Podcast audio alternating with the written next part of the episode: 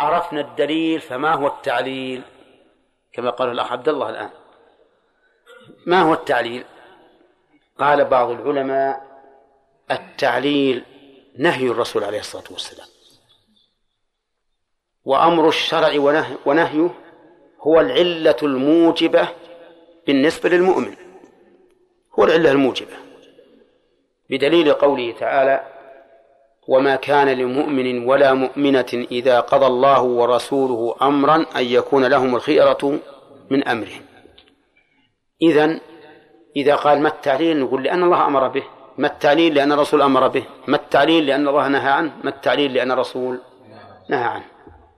المؤمن يكتفي بهذا ويقول سمعنا وأطعنا. كذا.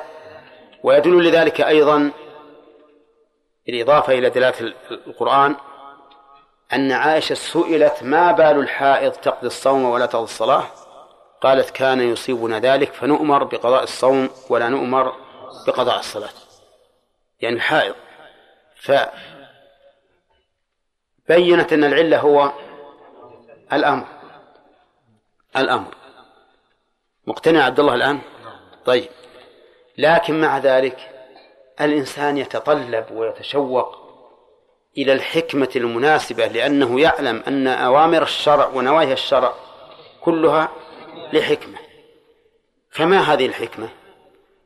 وسؤال الإنسان عن الحكمة في المشروعات أو في الأحكام الشرعية أو الجزائية أمر مطلوب.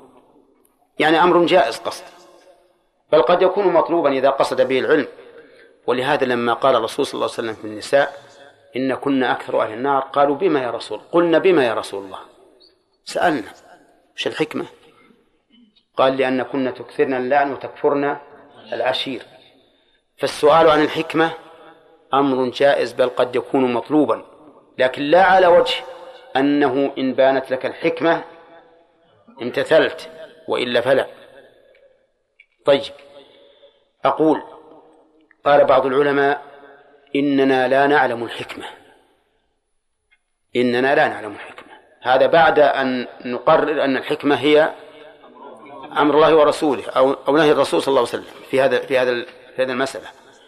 قال بعض العلماء إننا لا نعلم الحكمة والحكم الشرعي الذي لا تعلم حكمته يسمى عند أهل العلم تعبديا. إذن الحكمة تحقيق العبادة بالتسليم لله سواء علمنا أم لم نعلم. وذي والله حكمة عظيمة. هذه حكمة من أعظم الحكم. نعم. وإن شئتم ولو أطلنا قليلا رمي الحصى في محل الجمرات في الحج. لو قال قائل ما حكمته؟ حكمة التعبد لله. إنما جعل الطواف بالبيت وبالصفا والمروة ورمي الجمار لإقامة ذكر الله. فالتعبد لا شك أنه من أعظم الحكم. ولهذا قال بعض العلماء إن إن النهي عن عن الصلاة في أعطان الإبل تعبدي. يعني أن لا نعلم علته لكن نتعبد لله تعالى به. أيما سؤال أيما أعظم انقيادا واستسلاما أن يستسلم الإنسان للأمر إذا لم يعلم حكمته أو يستسلم له إذا علم حكمته؟ الأول. الأول أعظم. طيب. وقال بعض العلماء بل لأنها نجسة. لأن أرواثها نجسة وأبوالها نجسة. وهذا مبني على أن الأبوال والأرواث نجسة ولو من الحيوان الطاهر. والصحيح خلافه كما تقدم في باب النجاسة. ولكن هذه العلة باطلة. إذ لو كانت هذه العلة ما جازت الصلاة في مرابض الغنم لأن مرابض الغنم نفس الشيء. فالقائلون بنجاسة أبعار الإبل وأبوالها يقولون بنجاسة آه، أرواث الغنم وأبوالها. طيب وقيل لأن الإبل شديدة النفور شديدة النفور وربما تنفر وهو يصلي. تنفر. كذا؟ فإذا نفرت ربما تدعسه تطأه بأقدامها وينشغل قلبه. حتى وإن لم تطعه بينشغل قلبه. لو قامت الإبل هذه يعني تهيج تراوغ بينشغل قلبه. فيكون النهي عنها لأن لا ينشغل قلبه. لكن هذه العلة أيضا فيها نظر. لأن مقتضاها أن لا يكون النهي إلا والإبل موجودة. أن لا يكون النهي إلا والإبل موجودة. ثم قد تنقض بمرابض الغنم. الغنم بعد إذا قامت تهيج. نعم. وإيش؟ وتيعر. نعم. ومعها تهيس يريد ضرابها. تشغل. فهل نقول إنها مثلها؟ لا. إذا هذه العلة أيضا عليلة. وقال بعض أهل العلم إنما نهي عنها عن الصلاة فيما ربط في مبارك الإبل أو أعطانها لأنها خلقت من الشياطين. خلقت من الشياطين. كما جاء ذلك في الحديث الذي رواه الإمام أحمد بإسناد صحيح. وإذا كانت مخلوقة من الشياطين فلا يبعد أن تصحبها الشياطين. وتكون هذه الأماكن مأوى للإبل ومعها الشياطين ويكون وتكون الحكمة في النهي عن الصلاة فيها كالحكمة في النهي عن الصلاة في الحمام. واضح؟ وهذا الذي اختاره شيخ الإسلام ابن تيمية رحمه الله. وهو أقرب ما ما يقال في الحكمة ومع ذلك فالحكمة الحكيمة هي التعبد لله بذلك. طيب. يقول ولا في مغصوب. يعني لا تصح الصلاة في مغصوب. المغصوب كل ما أخذ من مالكه قهرا بغير حق سواء أخذ بصورة عقد أو بدون صورة عقد كل ما أخذ من صاحب بغير حق فهو مغصوب فمثلا لو جاءني إنسان لو جاء إنسان لآخر لو جاء إنسان لآخر وغصب منه أرضه غصب منه أرضه وصلى بها فصلاته لا تصح لأنها مغصوبة لأنها مغصوبة ولو جاء إنسان إلى آخر وقال بعني أرضك قال لا ما نبايعها قال بعها وإلا قتلتك. فباعها. اختيارا ولا إكراها؟ إكراها. وصلى فيها. فهل تصح أو لا؟ لا تصح. وإن كانت مأخوذة بصورة عقد. إذن لا تصح الصلاة في مغصوب وهو ما أخذ قهرا من مالكه إيش؟ بغير حق. سواء كان بعقد أو بغير عقد. المهم أنه أخذ بغير حق. ما الدليل؟ نقول ليس هناك دليل لكن هناك تعليل. والعلل أوصاف مناسبة مأخوذة من قواعد الشريعة. كل العلل التي يقولها التي يقولها العلماء هي هذه. أوصاف مناسبة للحكم مأخوذة منين؟ من قواعد الشريعة. يقول هؤلاء الذين قالوا بأنها لا تصح المغصوب لأن الإنسان منهي عن المقام في هذا المكان لأنه ملك غيره. فإذا صلى فصلاته منهي عنها والصلاة المنهي عنها لا تصح لأنها مضادة للتعبد. كيف تتعبد لله تعالى بمعصيته؟ إذن فلا تصح الصلاة في المكان المغصوب كما قالوا في في الثوب المغصوب لا يصح الستر به. وهذا هو التعليل الذي علل به من يقول من يقولون بأنها لا تصح في المغصوب. والقول الثاني في المسألة أنها تصح في المكان المغصوب مع الإثم. لأنهم يقولون إن الصلاة لم ينهى عنها في المكان المغصوب بل نهي عن الغصب والغصب أمر خارج.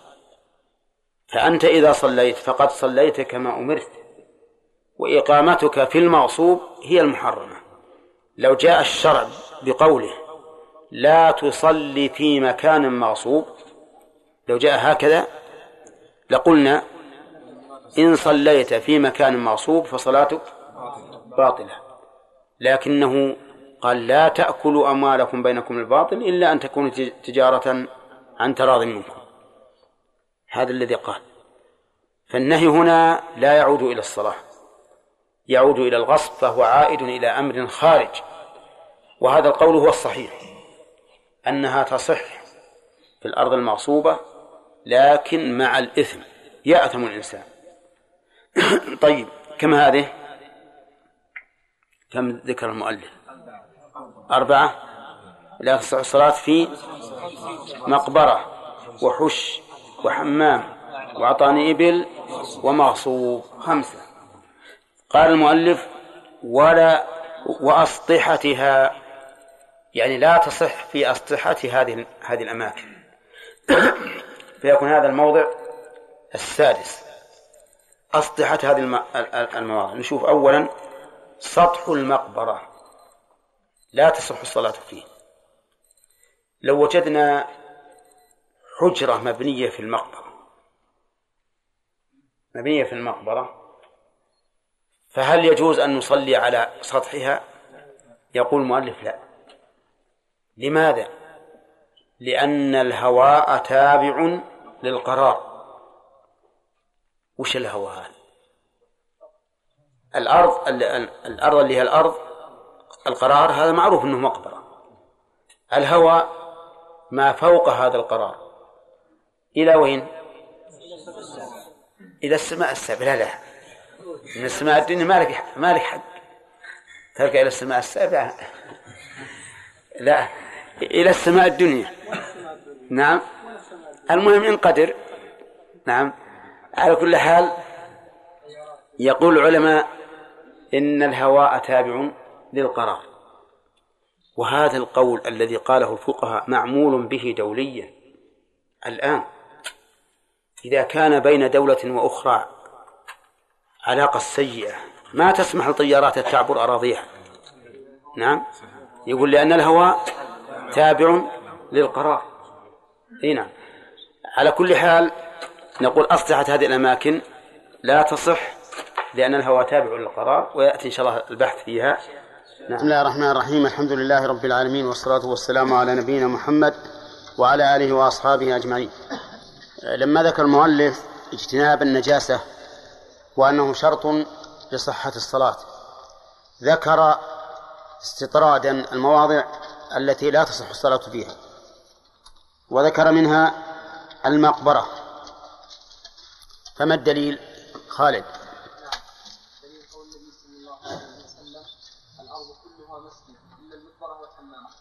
نعم. طيب. وذكر أنها لا تصح في حش. حسين. الدليل.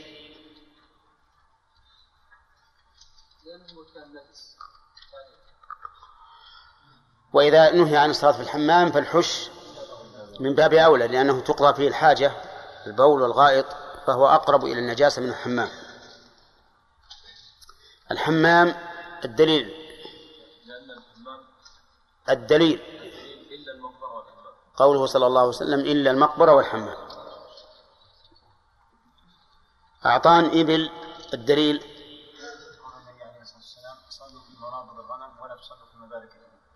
أحسنت. طيب. آه المغصوب نعم.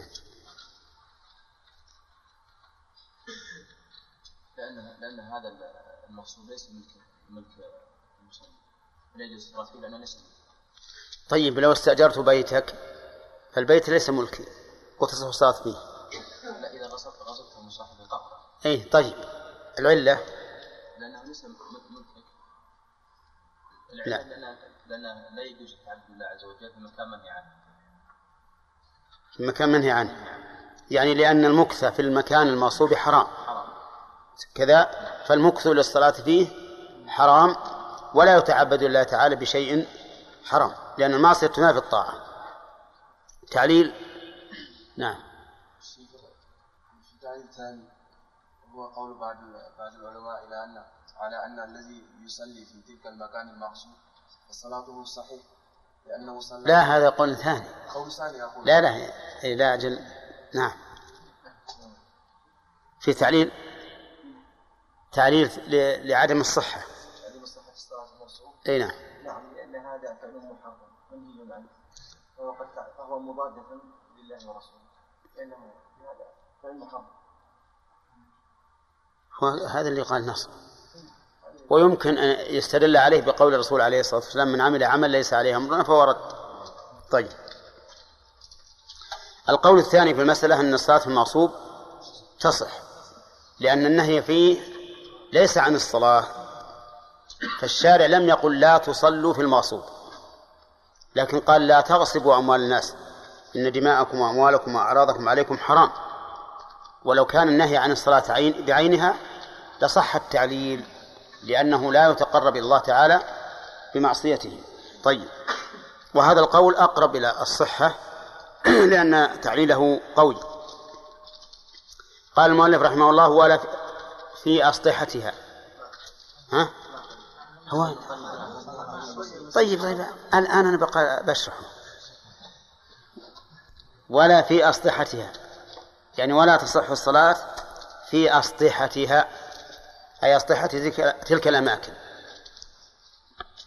الأماكن اللي ذكر المؤلف كم؟ مقبرة حش حمام أعطان إبل مغصوب. خمسة. وظاهر كلام المؤلف أن الصلاة في غير هذا تصح. أن الصلاة في غير هذا تصح. ولكن سبق لنا أنها لا تصح في الأرض النجسة لأنه يشترط طهارة مكان المصلي. وعلى هذا. فتكون ست المواضع. قال ولا في أسطحتها. يعني أسطحة تلك المواضع فلو بني على المقبرة بناء وصلى الإنسان فوق ذلك السطح فصلاته غير صحيحة. لماذا؟ لأن الهواء تابع للقرار.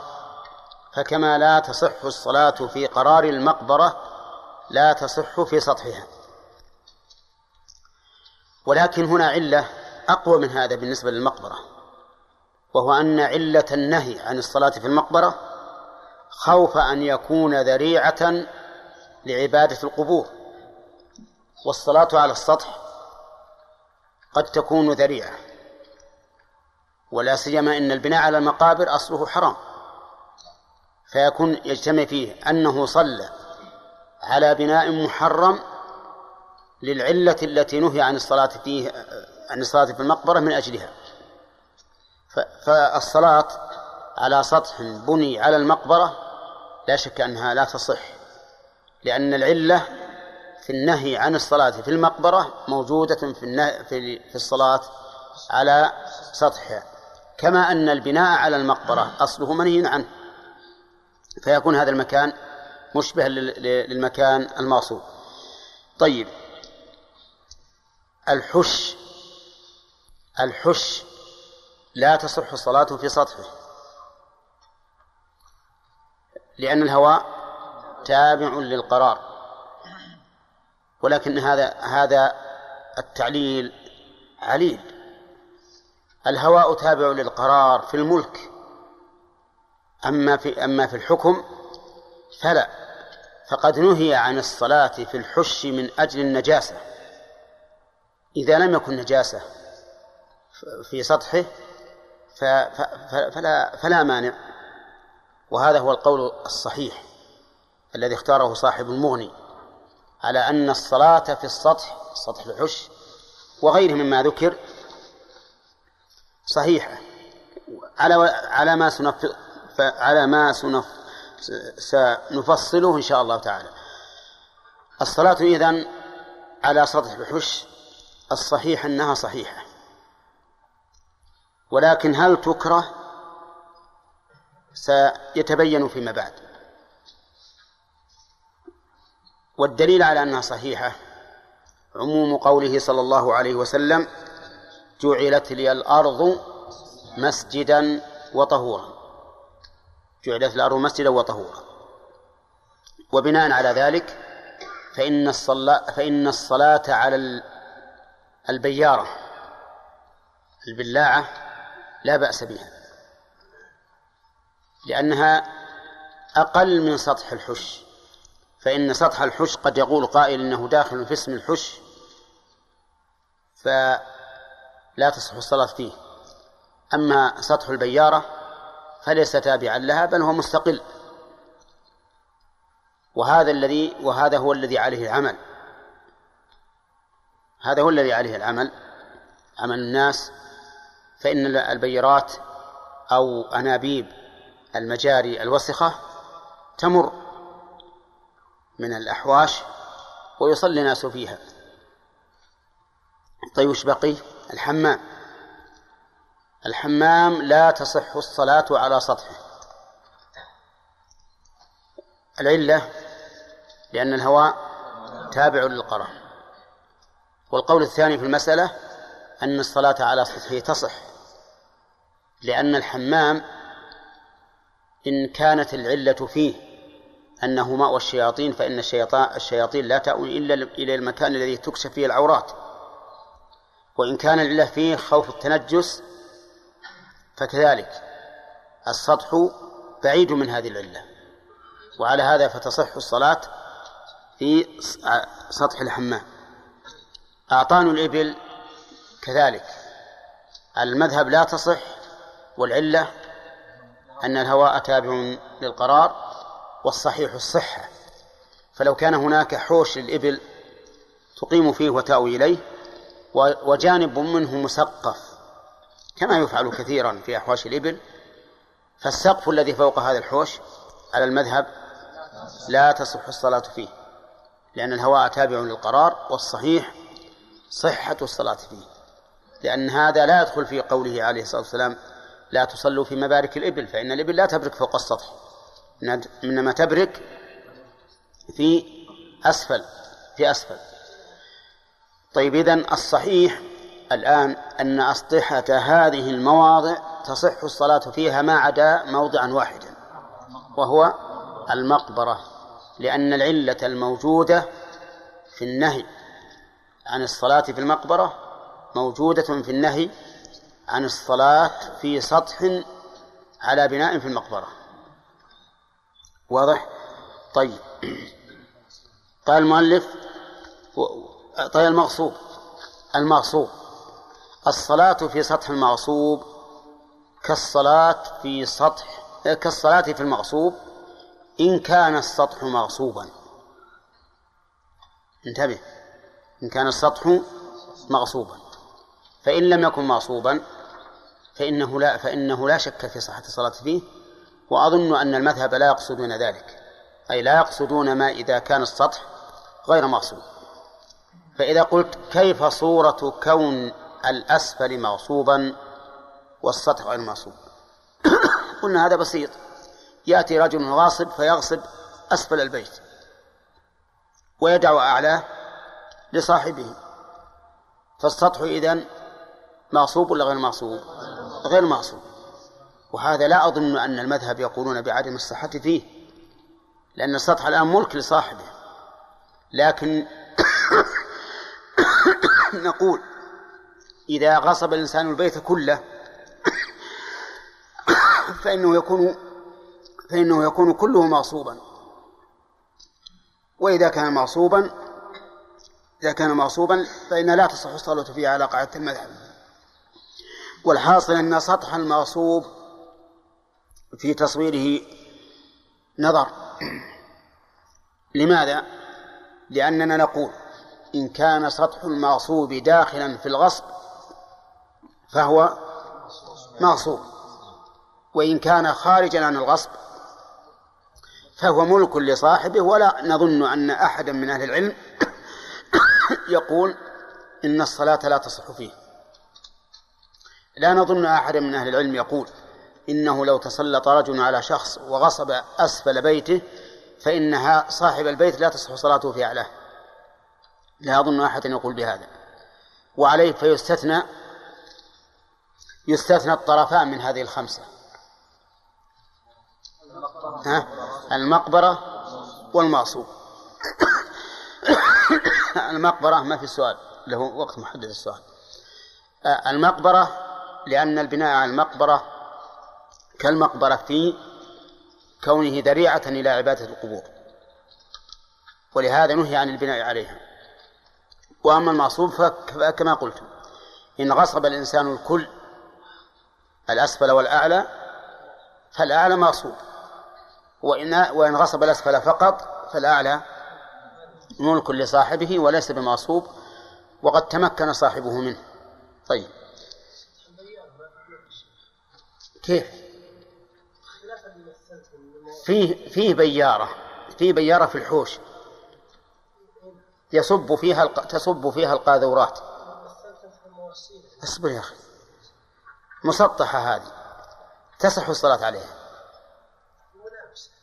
ما هي ملامسة؟ ما إن إن صلى في وسط البيارة فنعم فهو ملامس. وإن صلى فوق الصبة فليس بملامس فليس بملامس الأنابيب التي تمشي من جنسها. الأنابيب التي تمشي من جنسها لأنها أنابيب تشتمل على ما يشتمل عليه الحش من الأوساخ والقاذورات. فهي بمعناه هي مواسير يعني تترسب فيها هذه القاذورات. نعم. قال وتصح إليها. يعني تصح الصلاة إلى هذه الأماكن. ومعنى تصح إليها يعني أن تكون تصح الصلاة إذا كانت في قبلتك. فلو كان في قبلة الإنسان حمام فصلاته صحيحة. إذا كان في قبلته حش فصلاته صحيحة. إذا كان في قبلته أعطان إبل فصلاته صحيحة. إذا كان في قبلته مغصوب وهو في أرض مباحة فصلاته صحيحة. إذا كان في قبلته قبر ها فصلاته صحيحة. لأن المؤلف يقول تصح إليها يصح أن يتجه إلى القبلة. يصح أن يتجه إلى إلى المقبرة. كل هذه المواطن الخمس تصح الصلاة إليها. إلا أنهم قالوا إنها تكره إذا لم يكن حائل. تكره الصلاة إليها إذا لم يكن حائل. ولو كمؤخرة الرحل. مؤخرة الرحل يمكن نصف متر في نصف متر. فيقولون إنها تصح الصلاة إلى هذه الأماكن وتكره إلا مع حائل. طيب نحتاج الآن إلى دليل إلى دليلين. دليل الصحة ودليل الكراهة. أما دليل الصحة فعموم قول الرسول صلى الله عليه وسلم جعلت لي الأرض مسجدا وطهورا. وهذه من الأرض. وهي طهور وليس فيها ما يمنع الصلاة. إذا فتصح بمقتضى هذا العموم. وأما الكراهة فقالوا لأنها أماكن نهي عن الصلاة فيها فكره استقبالها. ولكن كما ترون هذا التعليل فيه نظر. وربما يعلل معلل بأن هذا موضع اختلف العلماء في صحة الصلاة فيه فكره كرهت الصلاة إليها خلا خروجا من من الخلاف. خروجا من الخلاف. أفهمتم الآن؟ طيب إذن الصحة لها دليل ولا لا؟ لها دليل وهو عموم قوله جعلت لي الأرض مسجدا وطهورا الكراهة لها تعليل لكنه عليل التعليل أنه استقبل ما لا تصح الصلاة فيه فكرهت الصلاة إليه نعم أو لأنه موضع اختلف العلماء في صحة الصلاة فيه فكرهت الصلاة فيه خروجا من الخلاف. وكلا الأمرين أو كلا التعليلين عليل أما الأول فنقول هاتوا الدليل على أنه يكره الصلاة إلى هذه الأشياء. وأين الكراهة؟ وكيف يكون تكون الكراهة؟ من شخص يصلي في أرضه وإلى جانبه مكان معصوب وأمامه مكان معصوب. وش عليه منه؟ ربما نقول إن الحش والحمام تكره الصلاة إليهما لأن فيهما رائحة كريهة قد تؤثر على إيش؟ على المصلي. والشيء الذي يؤثر على المصلي ويشوش عليه مكروه. أما أعطان الإبل فربما نقول إذا كانت الإبل موجودة باركة فربما تكره الصلاة إليه لأنها ربما تتحرك ولا ترغي ولا ما أشبه ذلك. أصبر ما في سؤال الآن الدرس قصير. أه، فترغي فيؤثر عليه في صلاته فيكون في ذلك تشويش عليه. طيب المعصوب قلنا لا وجه للكراهة واضح.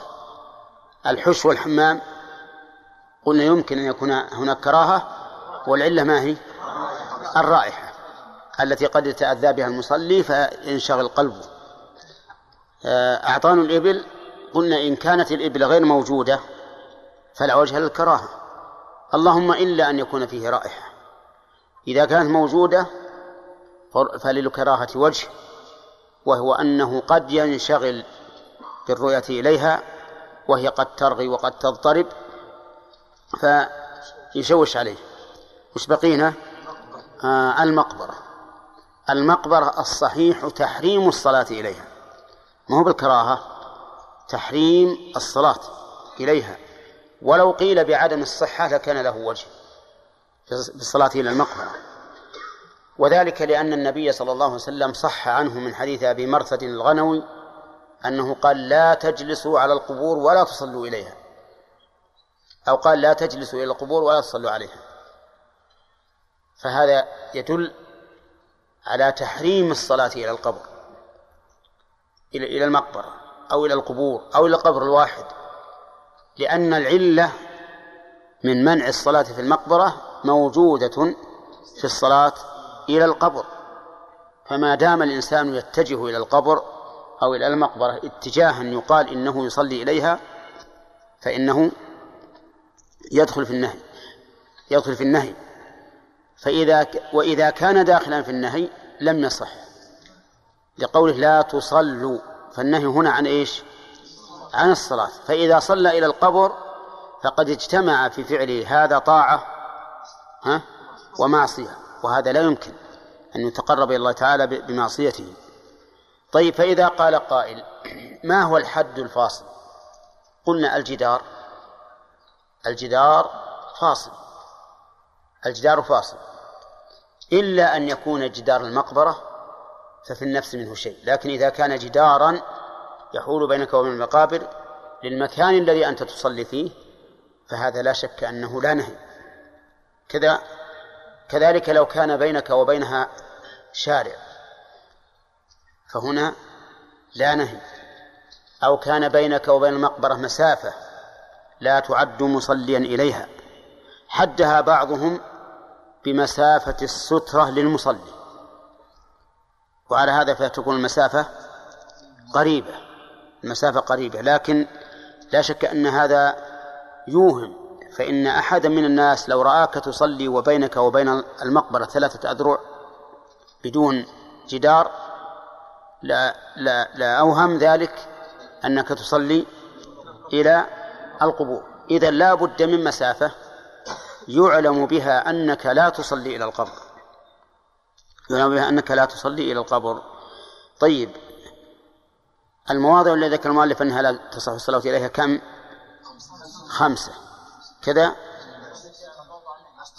الموضع النجس في غير هذا الموضع في أول العبارة. طيب المقبرة الحش الحمام أعطان الإبل المغصوب.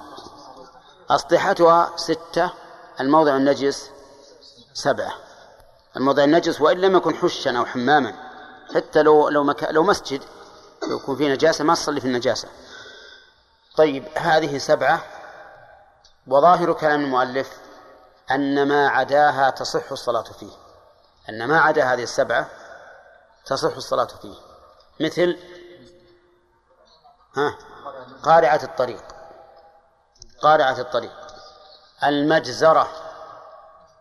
إلا إذا صليت على المكان النجس فيدخل في في كلامه. المزبلة. تصح الصلاة فيها. إلا كلام المؤلف. ما ذكر المزبلة. لا لم يذكر المزبلة. إذا فالمزبلة تصح الصلاة فيها. إذا كان الزبل طاهرا أما إذا كان نجسا فقد دخل في كلام المؤلف في المنع. طيب. قارعة الطريق. لو صلى الإنسان في الطريق فصلاته صحيحة. لكن إذا كان الطريق مسلوكا فالصلاة فيه حال سلوك الناس فيه تكون مكروهة. من أجل ها؟ من أجل الانشغال والتشويش. فإن كان مسلوكا بالسيارات. ها؟ حرم؟ ليش؟ آه إن كان نعم فقد نقول بالتحريم لأنه لا يتأتى أن يقيم الصلاة والسيارات تمشي أو يعطل الناس فيعتدي عليهم لأن وقوف الناس في أماكن الطرق يمنع الناس من التطرق عدوان عليهم الحق لهم. طيب الكعبة الكعبة قال المؤلف ولا تصح الفريضة في الكعبة ولا فوقها. نقف على هذا إذا كان فيه أسئلة. نعم عبد الوهاب. طيب. نعم.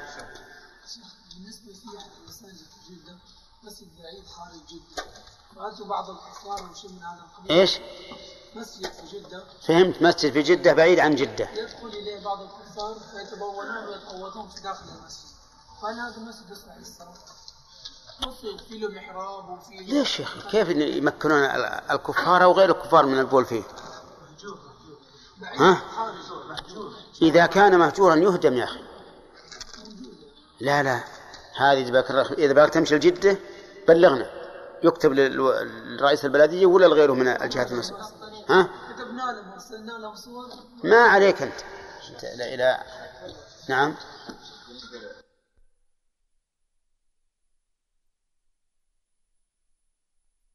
وعلى نبينا محمد وعلى آله وأصحابه أجمعين. قال المؤلف رحمه الله تعالى ولا تصح الفريضه بالكعبه ولا فوقها وتصح النافلة باستقبال شاخص منها منها استقبال القبلة. فلا تصح بدونه إلا لعاجز ومتنفل راكب سائر في سفر ويلزمه افتتاح الصلاه إليها. وماش ويلزمه الافتتاح والركوع والسجود إليها وفرض من قرب من القبله اصابه عينها اقرب اقرب جهتها فإن أخبره ثقة بيقين أو وجد محاريب إسلامية عمل بها ويستدل عليها في السفر بالقرب تعال. والقمر وما وما كم؟ نحوهما. تعدل اجتهد مجتهدان فاختلفا في جهة بس- بس. جنب محبوب عشان تلتسي ويصير أسهل لك.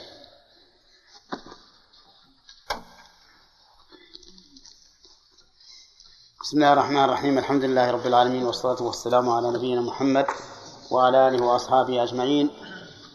ما هي المواضع التي ذكر المؤلف أن الصلاة لا تصح فيها؟ ذكر المؤلف نعم. الأول المقبرة. نعم. كذلك الحش نعم. والحمام؟ نعم. وال- والحمام وعدان الإبل؟ نعم. والمعصوب هذا المعصوب وكذلك أسلحتها هذه الأماكن والمكان النجس. أحسنت. سبعة إذا. سبعة. طيب. آه، ما هو القول الراجح في الأسطحة لا اللي وراء القول الراجح جائز مع المقبرة والموصول نعم. المغصوب كذا على الإطلاق. طيب نعم. من عادل؟ ها؟ إن كان مغصوبا لا, لا تصح الصلاة فيه إن كان غير مغصوب كذا. روشتي؟ لا. إي نعم. كيف لا تجوز؟ إذا كان الصلاة غير مغصوب وصلى به مالكه. آه. إذن سطح المغصوب فيه تفصيل. إن كان مغصوبا فله حكم الغصب وإن كان غير مغصوب صحت الصلاة فيه. آه، سطح المقبرة لا تجوز الصلاة فيه. لأن العلة التي آه، منع منعت الصلاة في المقبرة موجودة فيه. بقيتها تصح الصلاة على سطوحها. طيب وهل تكره؟ ما في السؤال. هل تكره أو- لا؟ لا المقبرة ما تصح انتهينا منها. والمقصود في التفصيل. غيرها هل تكره الصلاة على سطوحها أو لا تكره على المؤلف تكره ولكن غلط على صحة عند أهله إيه. على المؤلف لا تسمية نعم. لا على ولا كيف ما فهم يعني الباقية أي نعم. على كلام المؤلف أي. إنها إنها مثل مقبرة وغيرها. يعني؟ يعني منها عن الصلاة يعني تصح ولا ما تصح؟ لا تصح. ويكره الصلاة فيها؟ يحرم وش يقولون صح. طيب. هل تصح الصلاة إليها يا عبد الرحمن؟ ها؟ تصح الصلاة إليها. طيب مطلقا. بعضهم قالوا اذا كان إذا لم يكن فيها فاصل ما ما ما هو إذا كان فيها فاصل ما صح ما كرهت ما ها؟ لكن لا الصحيح أنه يجوز الا ما ضبطت يا عبد الرحمن. الا اذا كان فيه شو اسمه فيه أذية بالريح. لا إلى المقبرة. علي؟ الصلاة إلى المقبرة تحرم نعم. ولا تصح. ولا تصح. طيب. وغيرها إما كراهة أو جواز.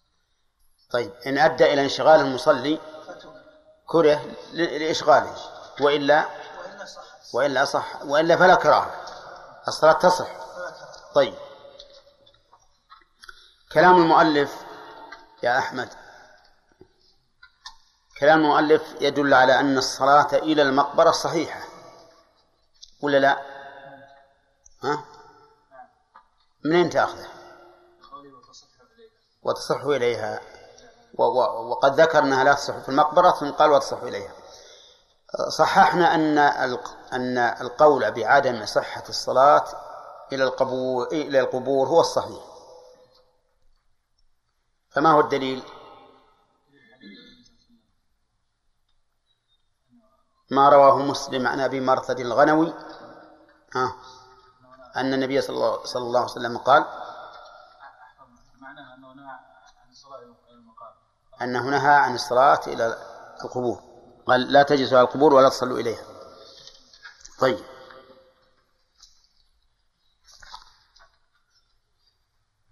نبدأ درس جديد. قال المؤلف رحمه الله تعالى. ولا تصح الفريضة. ولا تصح الفريضة في الكعبة ولا فوقها. الفريضة إذا أطلقت فالمراد ما وجب بأصل الشرع والفرائض ست. الفجر والظهر والعصر والمغرب والعشاء والجمعة. وإن شئنا قلنا خمس لأن الجمعة تكون بدلا عن الظهر. على كل حال الفرائض الخمس الجمعة والظهر على التبادل لا تصح في لا تصح في الكعبة. لماذا؟ لقول الله تعالى ومن حيث خرجت فول وجهك شطر المسجد الحرام. والمصلي في الكعبة لا يكون مستقبل لا يكون مستقبلا للبيت كله. لأن بعض البيت يكون خلفه وعن يمينه وعن شماله. فلا تصح فلا تصح.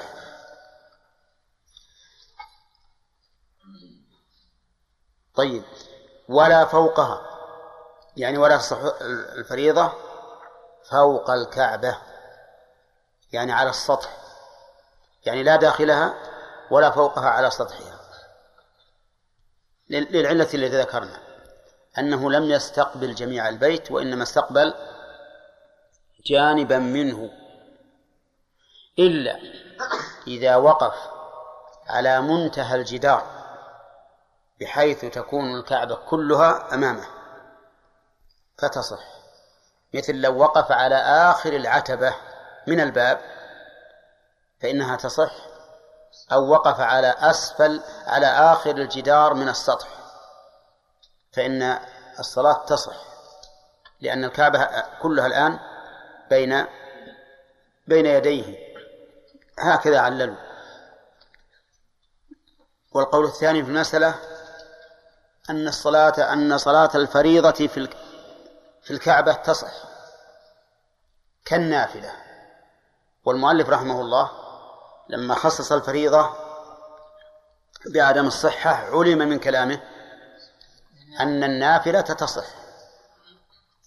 وهنا يحسن أن نتكلم على كلام المؤلف أولا. فنقول يفهم من قول المؤلف لا تصح الفريضة أن النافلة تصح. كذا؟ مفهوم مخالفة ولا موافقة؟ مفهوم مخالفة. لأن الفريضة لأن ضد الفريضة النافلة وضد عدم الصحة الصحة. إذن فالمفهوم هنا مفهوم مخالفة.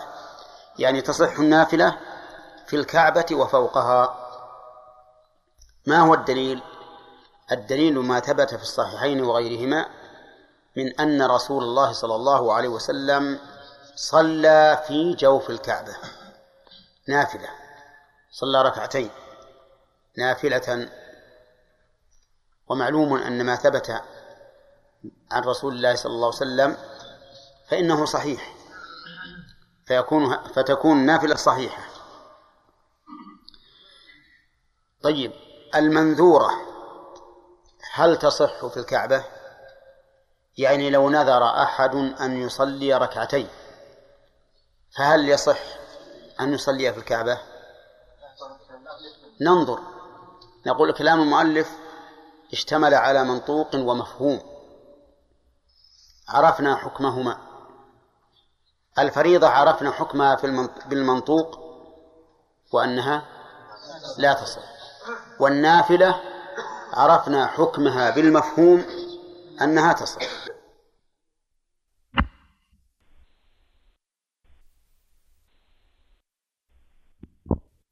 طيب المنذورة.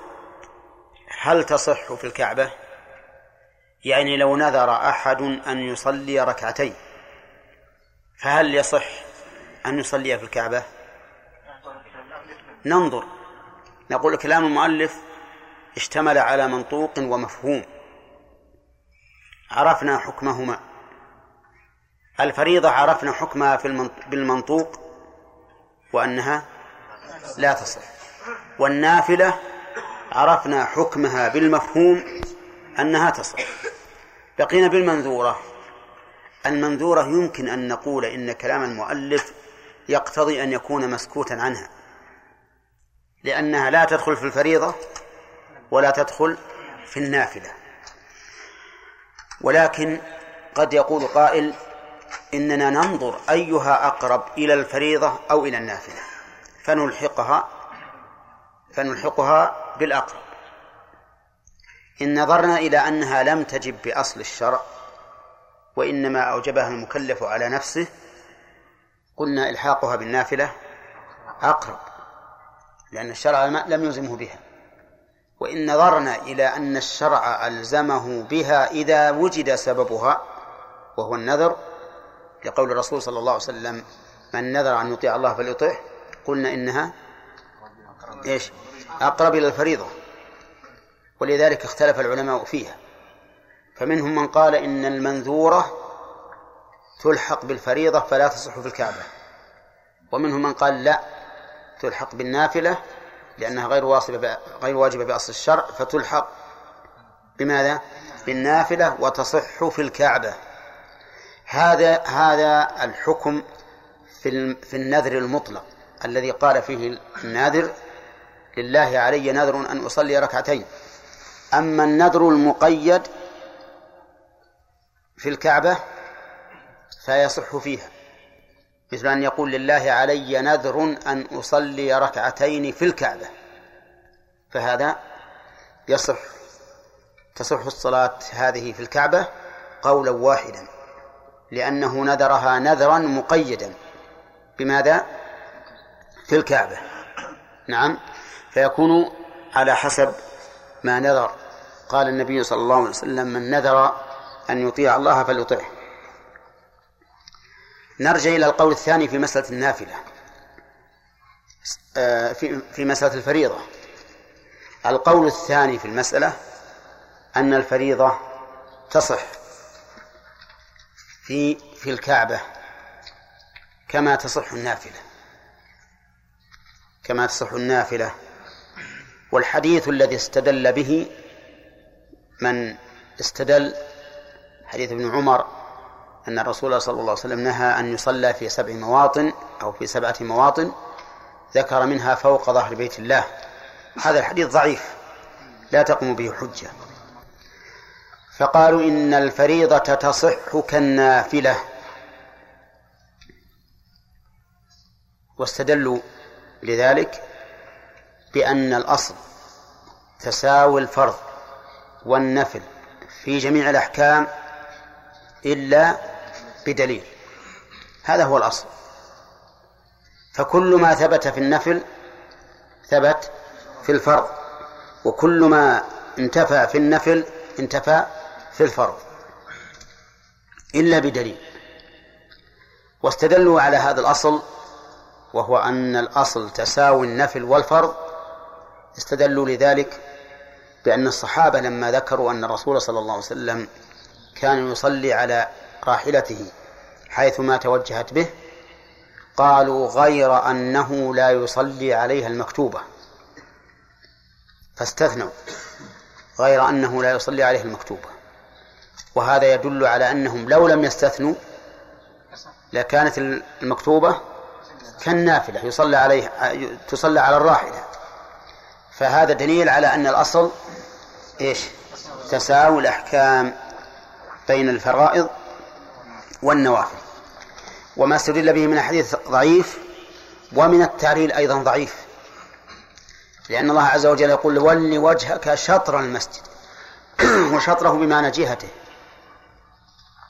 وهذا يشمل استقبال جميع الكعبة أو جزء منها كما فسرت ذلك السنة بصلاة الرسول صلى الله عليه وسلم في الكعبة.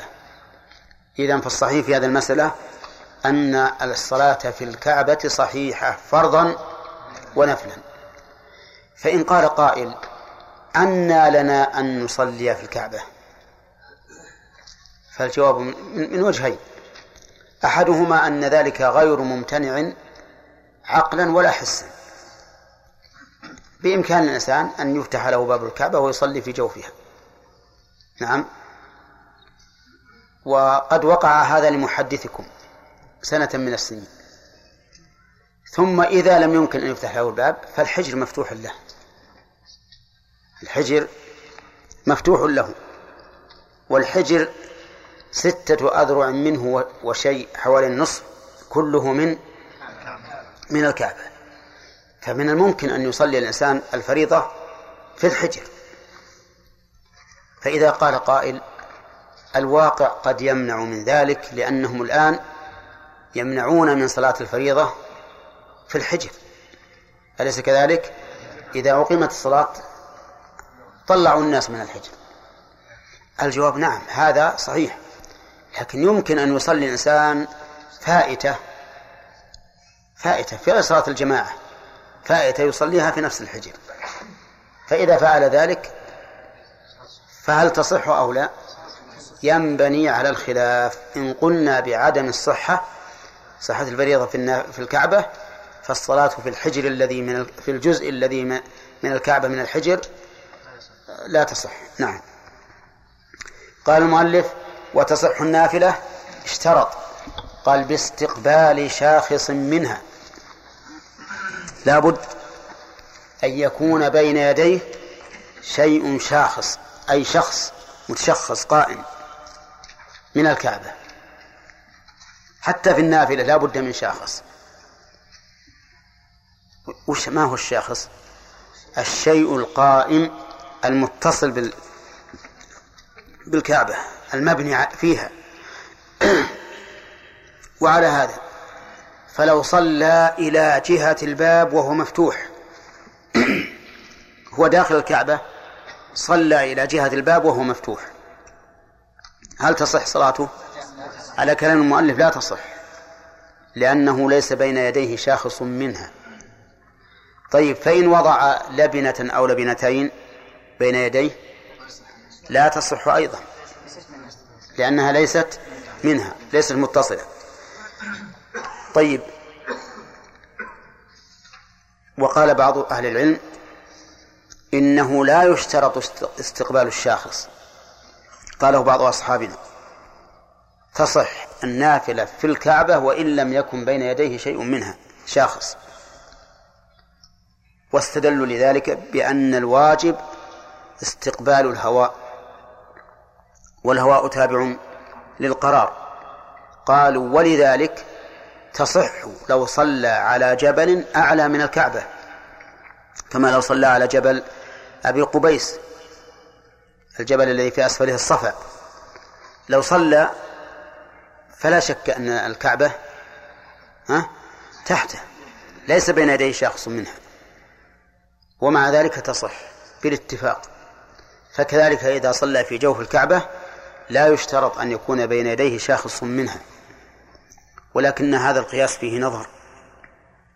لأن المصلي إلى الكعبة في مكان أعلى يشاهد شيئا شاخصا بين يديه وإن كان غير مسامت له. وإن كان غير مسامت له يعني غير محاذ له. فلا فلا يصح القياس. بخلاف الإنسان الذي ليس بين يديه شيء أبدا. هو الآن في نفس الكعبة وليس بين يديه شيء. فهذا فرق بين هذا وهذا. ولا شك أن الاحتياط أن يكون بين يديه شيء شاخص منها. لكن لو أن الإنسان صلى وجاء يستفتي لا نستطيع أن نقول إن صلاتك غير صحيحة. إنما نأمره قبل أن يصلي أن لا يصلي إلا إلى شيء شاخص منها. ولهذا لما هدمت الكعبة في عهد ابن الزبير بنى أخشابا بنى أخشابا من أجل أن يصلي الناس إليها. قال شيخ الإسلام وهذا دليل على أنه لا بد أن يكون هناك شاخص يصلى إليه. ثم قال المؤلف رحمه الله ومنها أي من شروط الصلاة استقبال القبلة. من شروط الصلاة استقبال القبلة. وها والمراد بالقبلة الكعبة. وسميت قبلة لأن الناس يستقبلونها بوجوههم. يستقبلونها بوجوههم ويؤمونها ويقصدونها. وكانت من شروط الصلاة بدلالة الكتاب والسنة. أما الكتاب فقوله تعالى ومن حيث خرجت فول وجهك شطر المسجد الحرام وحيث ما كنتم فولوا وجوهكم شطره وأما السنة فكثيرة في هذا منها قوله صلى الله عليه وسلم للمسيء في صلاته؟ قال له إذا قمت إلى الصلاة فأسبغ الوضوء ثم استقبل القبلة. فكبر. وأجمع المسلمون على وجوب استقبال القبلة في الصلاة. فدل فدل على وجوبها الكتاب والسنة والإجماع. والحكمة من ذلك هي أن يتجه الإنسان ببدنه إلى معظم بأمر الله وهو البيت كما يتجه بقلبه إلى ربه في السماء. فهنا اتجاهان اتجاه قلبي واتجاه بدني. الاتجاه القلبي إلى من؟ إلى الله عز وجل. والاتجاه البدني إلى بيته الذي أمرنا بالاتجاه إليه وتعظيمه. ولا ريب أن في إيجاب استقبال القبلة من مظهر اجتماع الأمة الإسلامية ما لا يخفى على الناس. لولا هذا لكان الناس يصلون في مسجد واحد أحدهم يصلي إلى الجنوب والثاني إلى الشمال والثالث إلى الشرق والرابع إلى الغرب. لكن إذا كانوا إلى اتجاه واحد صار ذلك من أكبر أسباب الائتلاف. أليس كذلك؟ ما ظنكم لو أن الناس يتجهون إلى ما شاءوا. كم قبلة تكون لنا في هذا المسجد؟ ها؟ أربع قبل. نعم كل واحد له قبلة. وتتعذر الصفوف في الجماعة. نعم لكن من الحكمة أن الله أوجب على المسلمين أن يتجهوا اتجاها واحدا إلى الكعبة. الاتجاه إلى إلى الكعبة قلنا إنه شرط من شروط الصلاة والحكمة في وجوبه ظاهرة وكان الرسول عليه الصلاة والسلام في مكة يصلي إلى بيت المقدس لكن الكعبة بينه وبين بيت المقدس فأين يقع مكانه من من المسجد؟ ها؟ أي بين الركن اليماني والحجر الأسود ليكون تكون الكعبة بينه وبين بيت المقدس ولما هاجر إلى المدينة بقي بأمر الله عز وجل.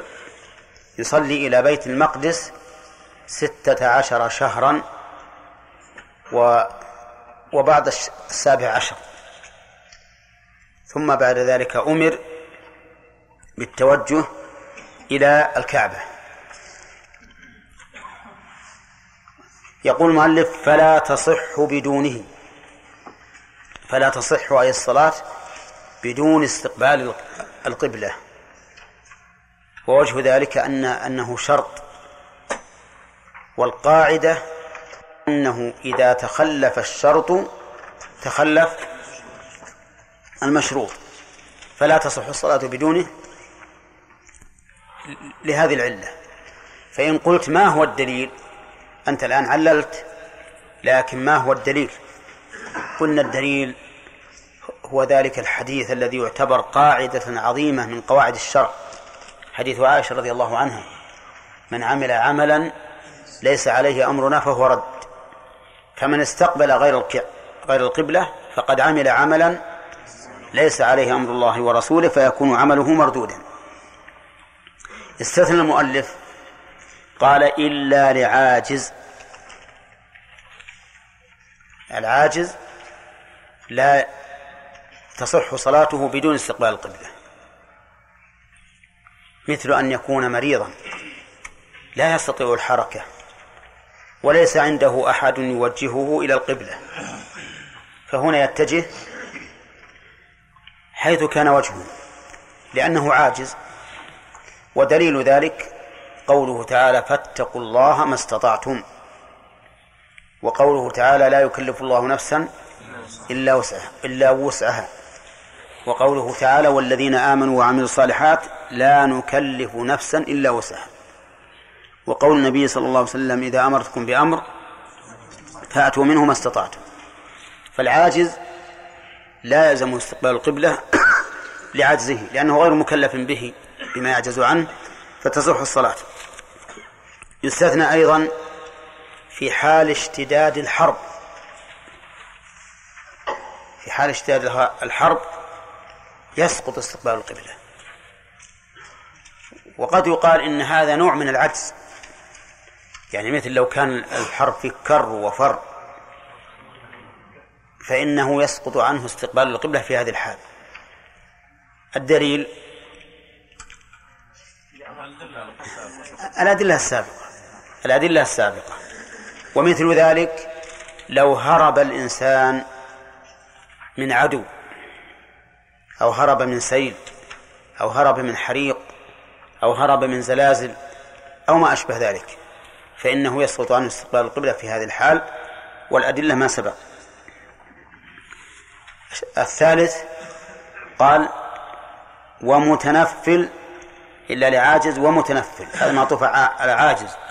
ومتنفل سائر آه، راكب سائر في سفر. المتنفل ضده المفترض. آه، راكب ضده الماشي وسيأتي بيان حكمه. سائر ضده المقيم الذي ليس يمشي.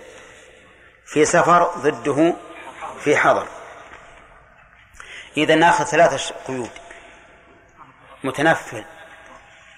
سائر في سفر. راكب.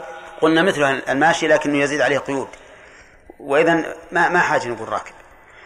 لأنه قال وماش إلا أنه يخالف في بعض الأشياء. في هذه الحال يسقط استقبال القبلة. متنفل ضده سائر ضده النازل في سفر ضده الحضر كذا؟ طيب. إذا قال قائل هذا استثناء من عموم نصوص الكتاب. ومن حيث خرجت فول وجهك شطر المسجد الحرام وحيث ما كنتم فولوا وجوهكم شطرة. فما هو الدليل؟ لأن هذه هذا عموم من أقوى العمومات حيث ما كنتم. وهذه جملة شرطية وهي من أقوى العمومات. طيب حيث ما كنتم فولوا وجوهكم شطرة. ما الذي أخرج هذه الحال؟ نقول أخرجتها السنة فعل الرسول عليه الصلاة والسلام. فقد ثبت في الصحيحين وغيرهما أن رسول الله صلى الله عليه وسلم كان يصلي النافلة على راحلته حيث ما توجهت به إلا أنه لا يصلي عليها المكتوبة. فهذه السنة خصصت عموم الآيات. فإن قال قائل أفلا يمكن أن يكون هذا قبل وجوب استقبال القبلة؟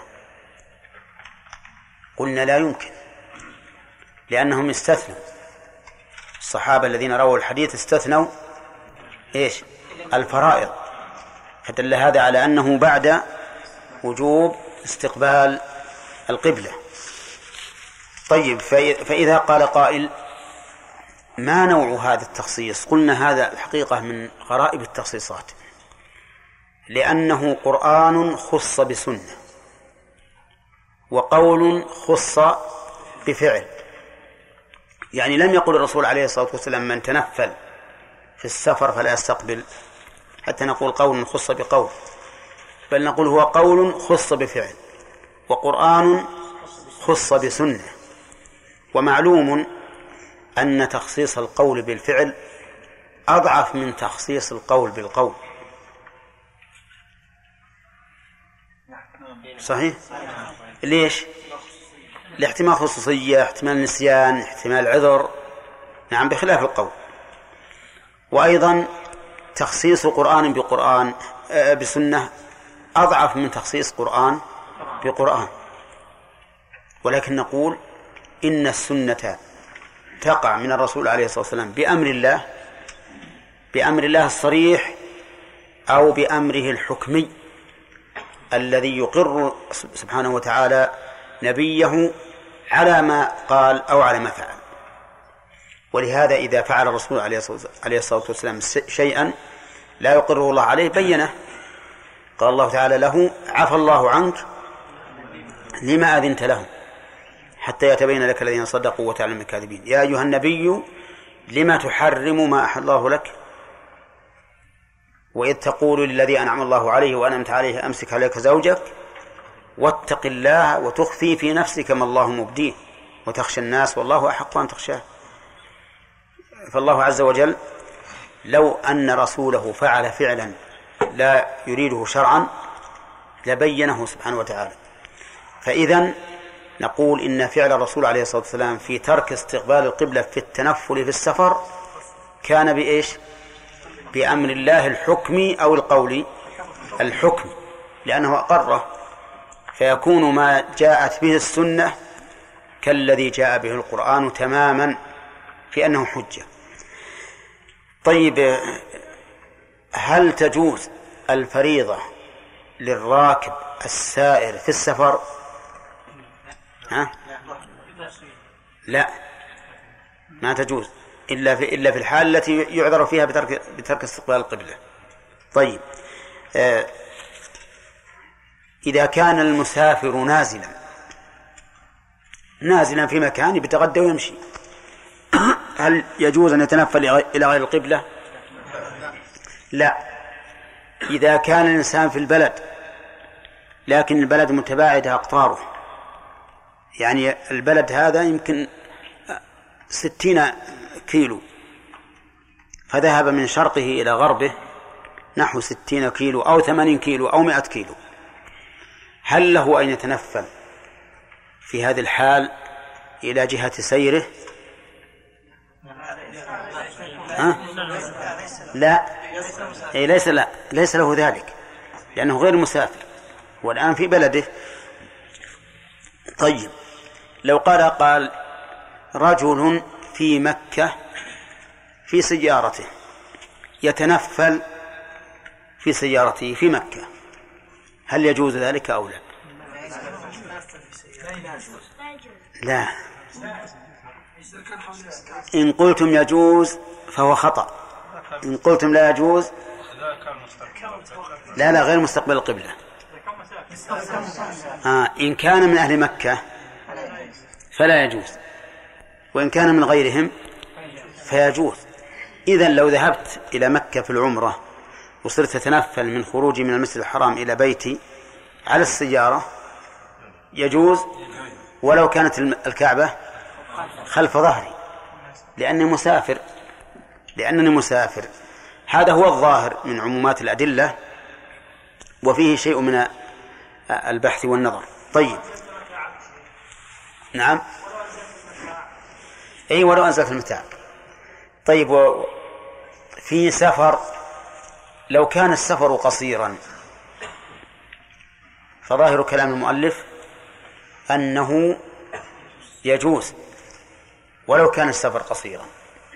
فإذا خرجت من البلد ولو إلى بلد قريبة منه ولو كان خروجك هذا لا يعد سفرا فإنه يعني لا يعد سفرا طويلا تقصر فيه الصلاة فإنه يجوز للعموم. ولكن بعض الأصحاب رحمهم الله قالوا لا يجوز التنفل على الراحلة إلا في سفر يقصر فيه. فإن كان لا يقصر فيه فإنه لا يجوز. طيب. قال ويلزمه افتتاح الصلاة إليها. إيه لكن قلنا ما بدينا لم تأخرين. يلزمه افتتاح الصلاة إليها. يعني يلزمه أي الراكب المتنفل في السفر افتتاح الصلاة إليها أي إلى القبلة. طيب عمومات الأحاديث ليس فيها ذكر استقبال القبلة إلا في حديث رواه أبو داود بإسناد حسن أن الرسول عليه الصلاة والسلام كان إذا أراد أن يصلي استقبل القبلة ثم أطلق راحلته حيثما توجهت. فنقول هذا الحديث إن صح فإنه فعل ومجرد الفعل لا يدل على الوجوب. فنقول الأكمل أن تتجه أول ما تتجه إلى القبلة ولكن لو لم تفعل لكان هذا جائزا. ولا ولا حرج. لأن أكثر الأحاديث جاءت عامة أنه يصلي عليها النافلة حيثما توجهت به. اجتناب النجاسة. قال المؤلف رحمه الله تعالى ومنها ومنها اجتناب النجاسة من طين الأرض النجسة من طين فمن حمل. فمن حمل فمن حمل نجاسة لا يعفى عنها فمن حمل نجاسة لا يعفى عن فمن حمل نجاسة لا يعفى محمد وعلى آله وأصحابه أجمعين. ذكر سبق لنا أن من شروط الصلاة استقبال القبلة. فما هو الدليل يا نصر؟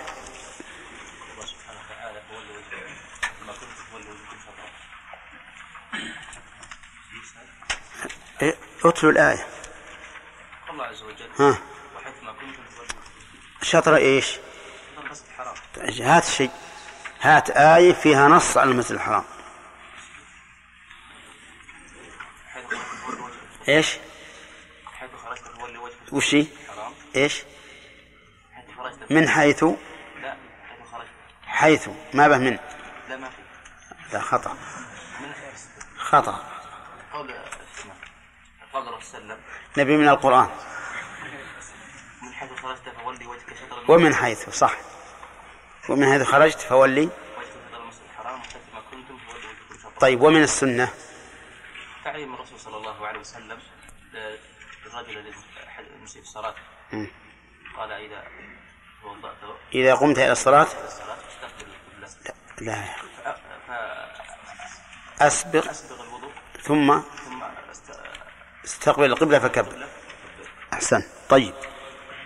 والإجماع؟ منعقد على وجوب استقبال. أحسنت. طيب. ما هي الحكمة في إيجاب استقبال القبلة. خالد. نعم في إيجابه. في إيجاد استقبال القبلة. اجتماع المسلمين على قبلة واحدة.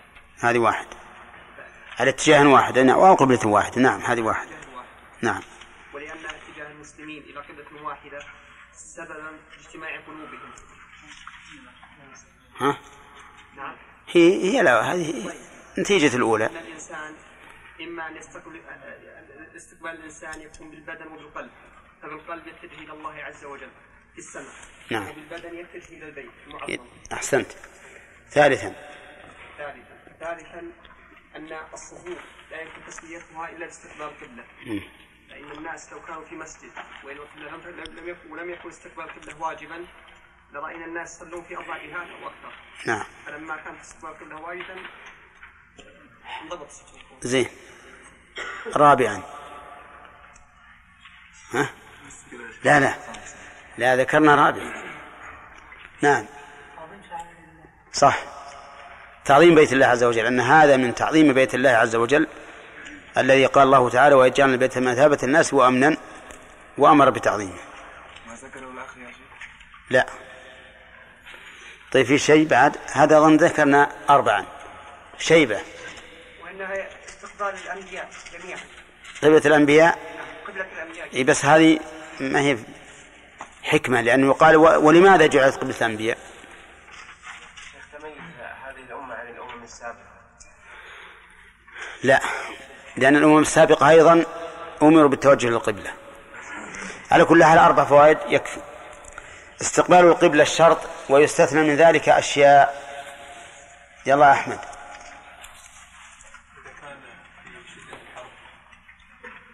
شدة الخوف. شدة الخوف.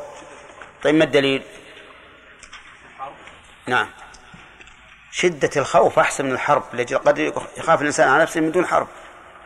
ها. قول تعالى حافظ على الصلاة والصلاة الوسطى وقوموا بالله قانتين فإن خفتم فرجالا وركبانا فإذا اطمأننتم فإن خفتم فرجالا وركبانا فإذا اطمأننتم فأقيموا الصلاة النصر لا فإذا أمنتم فإذا أمنتم فأقيموا الصلاة فإذا أمنتم فاذكروا الله كما علمكم ما لم تكونوا تعلمون أين الدليل أين الدلالة قوله تعالى حافظ على قانتين فإن خفتم فرجالا أو ركبانا نعم فرجال وركبانا ومعلوم أن الراكب والراكب لا يتسنى له استقبال القبلة كما ينبغي غالبا طيب في آية عامة يا عبد الله قول ثاني دليل فيه دليل ثاني ما هو الرسول صلى الله عليه وسلم كان يتنفل على راحلته لا لا ما هذه نعم. لا. نعم. نعم قوله تعالى فاتقوا الله ما استطعتم. قوله تعالى فاتقوا الله ما استطعتم تمام. لا يكلف الله نفسا إلا وسعها. يستثنى أيضا فوزي النافل أف شروط أن يكون راكبا سائرا في سفر للراكب السائر في سفر راكب هذه شرط ولا غير شرط.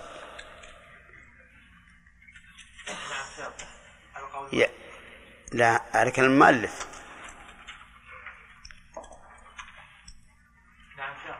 شرط. نعم غير شرط على المؤلف ماسي طيب إذا يكون سائرا وفي سفر و سائرا وفي سفر متنفل نافلة. النافلة في السفر للسائر لا للنازل. طيب دليل ذلك عبد الرحمن بن- داود؟ بن عمر. يصلي توجهت به على راحلته حيثما توجهت به. إلا أنه لا يصلي إلا أنه لا يصلي عليه المكتوبة. تمام. أو الفريضة طيب. وما هي الحكمة في في إسقاط استقبال القبلة في هذه الصورة؟ نعم. إذا كان متنفلا سائرا يعني في مشقة يشق عليه استقبال القبلة تشجيع الناس على كثرة النوافل. تشجيع الناس على كثرة النوافل حتى يكون يكون الأمر سهلا عليهم.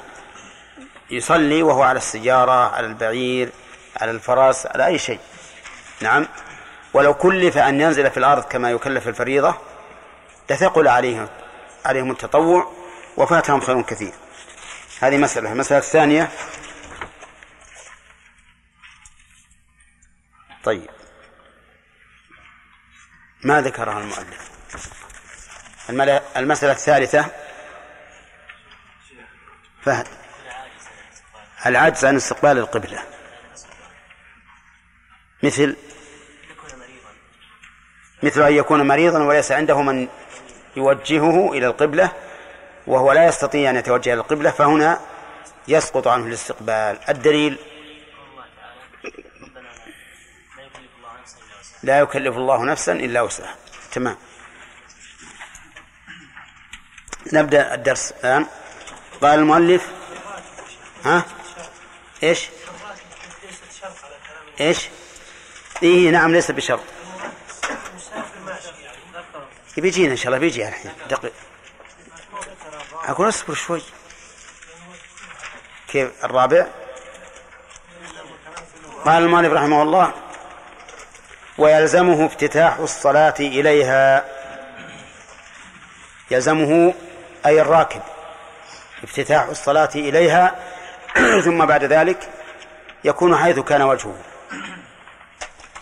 ودليل هذا حديث أنس بن مالك رضي الله عنه الذي أخرجه أصحاب السنن كأبي داود وغيره أن الرسول صلى الله عليه وسلم كان إذا أراد أن يتنفل استقبل القبلة وكبر ثم اتجه حيث كان وجهه. قالوا فهذا دليل على أنه يجب افتتاح الصلاة إلى القبلة لأن تكلف النبي صلى الله عليه وسلم ومعاناته لإيقاف البعير واتجاه إلى القبلة وقطع المسير يدل على أنه أمر واجب. وقال بعض أهل العلم إنه ليس بواجب إنه ليس بواجب. وأجابوا عن هذا الحديث بأمرين. أولا أنه ليس إلى ذاك في في في درجة الصحة وغاية ما قيل فيه إنه حسن. والثاني أنه فعل ومجرد الفعل لا يدل على الوجوب. وحديث ابن عمر وغيره من الأحاديث عام أنه كان يصلي حيث كان وجهه. حيث كان وجهه. وعليه فنقول إن الصحيح في إن الصحيح في هذه المسألة أن الأفضل أن يبتدئ الصلاة متجها إلى القبلة ثم يتجه حيث كان وجهه. أما أن يجعل ذلك واجبا بمقتضى هذا الدليل المعارض بعموم الأدلة التي هي أصح منه ففي النفس منه شيء. قال المؤلف وماش هذا معطوف على قوله راكب. يعني و ولماش ولمتنفل ماش. يعني يمشي على قدميه.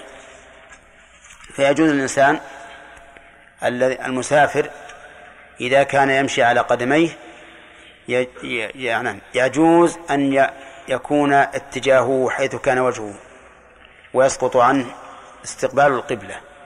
إلا أنه قال ويلزمه ويلزمه افتتا- الافتتاح والركوع والسجود إليها. يلزمه أي الماشي الافتتاح إلى القبلة. لأنه إذا لزم الراكب مع معاناة صرف المركوب فلزومه في حق الماشي من باب أولى. لأن انصراف الماشي إلى القبلة أسهل من انصراف مركوبه. لو كان راكبا. كذلك يلزمه الركوع والسجود إليها أيضا. أما الراكب فلا يلزمه ركوع ولا سجود وإنما يومي إيماء. أما الماشي فيلزمه الركوع والسجود إليها أي إلى القبلة. فيختلف عن الراكب في أمرين في أنه يلزمه الركوع والسجود والراكب يكفيه الإيماء. الثاني أنه يجب أن يكون الركوع والسجود إلى القبلة بخلاف الراكب. والعلة في ذلك قالوا لأن هذا سهل على الماشي. سهل. أما الراكب فلا يتحقق له الركوع والسجود إلى القبلة إلا إذا نزل ونزوله من مركوب فيه صعوبة ومشقة.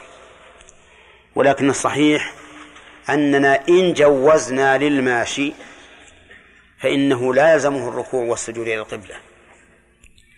لأن في ذلك مشقة أيضا. لأنه يستلزم الوقوف.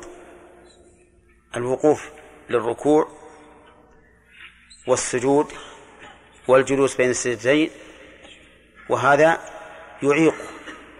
وهذا يعيق بلا شك. لكن لو قلنا تومي إيماء لكان يمكنها أن يومي وهو وهو ماشي في ركوعه وسجوده. فالصحيح أننا إذا قلنا بجواز ذلك للماشي فإنه لازمه الركوع والسجود إلى القبلة بل حكمه حكم الراكب في أنه يلزمه الافتتاح فقط لأن الافتتاح مدته وجيزة والانحراف إلى القبلة فيه يسير فلا يضر وإلا فيمشي على ما هو عليه. و ولكن نحن قلنا إن قلنا بالجواز. وهذا يدل على أن في المسألة خلافا وهو كذلك. فإن من العلماء من يقول إن إن المسافر الماشي لا يجوز أن يتنفل حال مشيه. لأن الماشي سوف يعمل أعمالا كثيرة بالمشي والراكب ساكن لا يعمل فلا يلحق هذا بهذا. ولأن تنفل الماء الراكب المسافر الراكب على خلاف الأصل على خلاف الأصل. وما جاء على خلاف الأصل فهو خارج عن الأصل ولا يقاس عليه ولا يقاس عليه. ولكن الذي يظهر والله أن القول الراجح ما قاله المؤلف في إلحاق الماشي بالراكب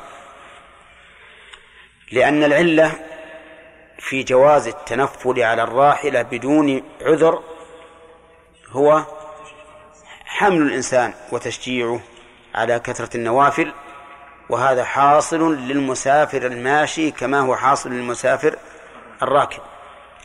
وقولهم إن هذا خلاف الأصل وما كان خلاف الأصل فلا يقاس عليه.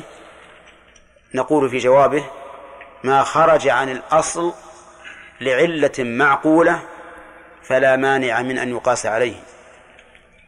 لأن القاعدة الشرعية في هذه الشريعة أنها لا تفرق بين متماثلين ولا تجمع بين متفرقين. فإذا علمنا أن الشارع إنما رخص في الصلاة حيث كان وجهه وعلى بعيره من أجل أن يحمل الناس على كثرة النوافل ولا يحرمهم فنقول هذا أيضا في الماشي. وكثير من الناس المسافرين لا يجدون مركوبا لا يجدون مركوبا فتجدهم يمشون مع الركبان على أقدامهم من بلادهم إلى أن يرجعوا إلى بلادهم. وهذا شيء معلوم يعرفه الناس من قبل لما كانوا يسافرون على الإبل. طيب. قال ويلزمه الركوع والسجود إليها ثم بين المؤلف رحمه الله.